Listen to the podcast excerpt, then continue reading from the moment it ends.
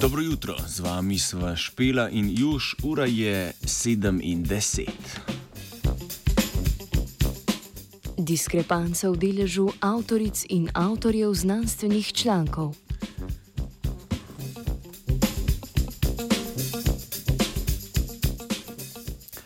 Ženske predstavljajo manjšino na področjih znanosti, tehnologije, inženirstva, matematike in medicine.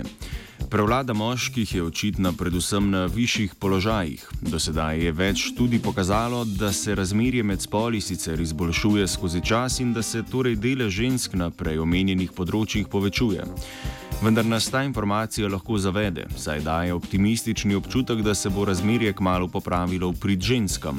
Zato bomo danes poročali o raziskavi, v kateri so se znanstvenice in znanstveniki vprašali, kdaj bomo dosegli enak delež avtoric in avtorjev znanstvenih člankov na teh področjih. Raziskovalna skupina je na podlagi imena predpostavila spol 36 milijonov avtoric in avtorjev znanstvenih člankov iz iskalnega sistema PubMed in portala elektronskih preprintov Archive. Vključeni članki so bili objavljeni v zadnjih 15 letih in v več kot 6000 znanstvenih revijah, ki pokrivajo večino področji znanosti, tehnologije, inženirstva, matematike in medicine. S pomočjo računalniških metod so natančno izračunali delež avtoric in avtorjev ter stopnjo, s katero se razmerje med spoli spreminja skozi čas.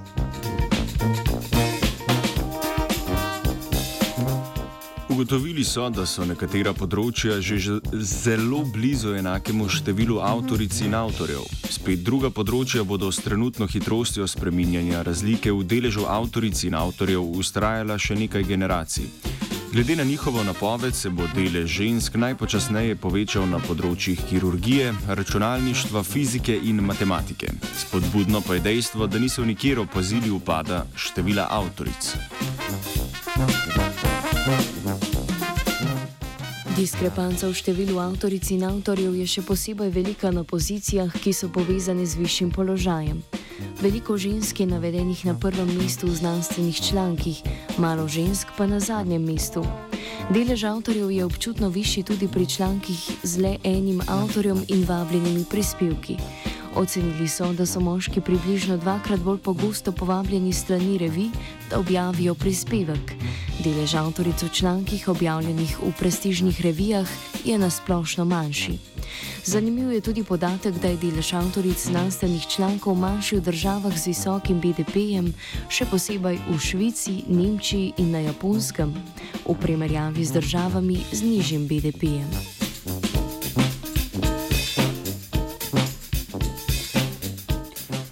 Raziskovalna skupina zaključuje, da so potrebne dodatne spremembe v izobraževalnem sistemu, mentoriranju in akademskem objavljanju znanstvenih člankov, da bomo dosegli enak delež avtoric in avtorjev člankov na področjih znanosti, tehnologije, inženirstva, matematike in medicine. Poleg tega je treba zagotoviti tudi enake resurse za oziroma na delovnem mestu, enakopravnost v procesu zaposlovanja, si prizadevati za enak delež vabljenih govornic in govorcev na konferencah ter vsem omogočiti enak dostop do neformalnih profesionalnih mrež. Diskriminacija na podlagi spola moti Angeliko.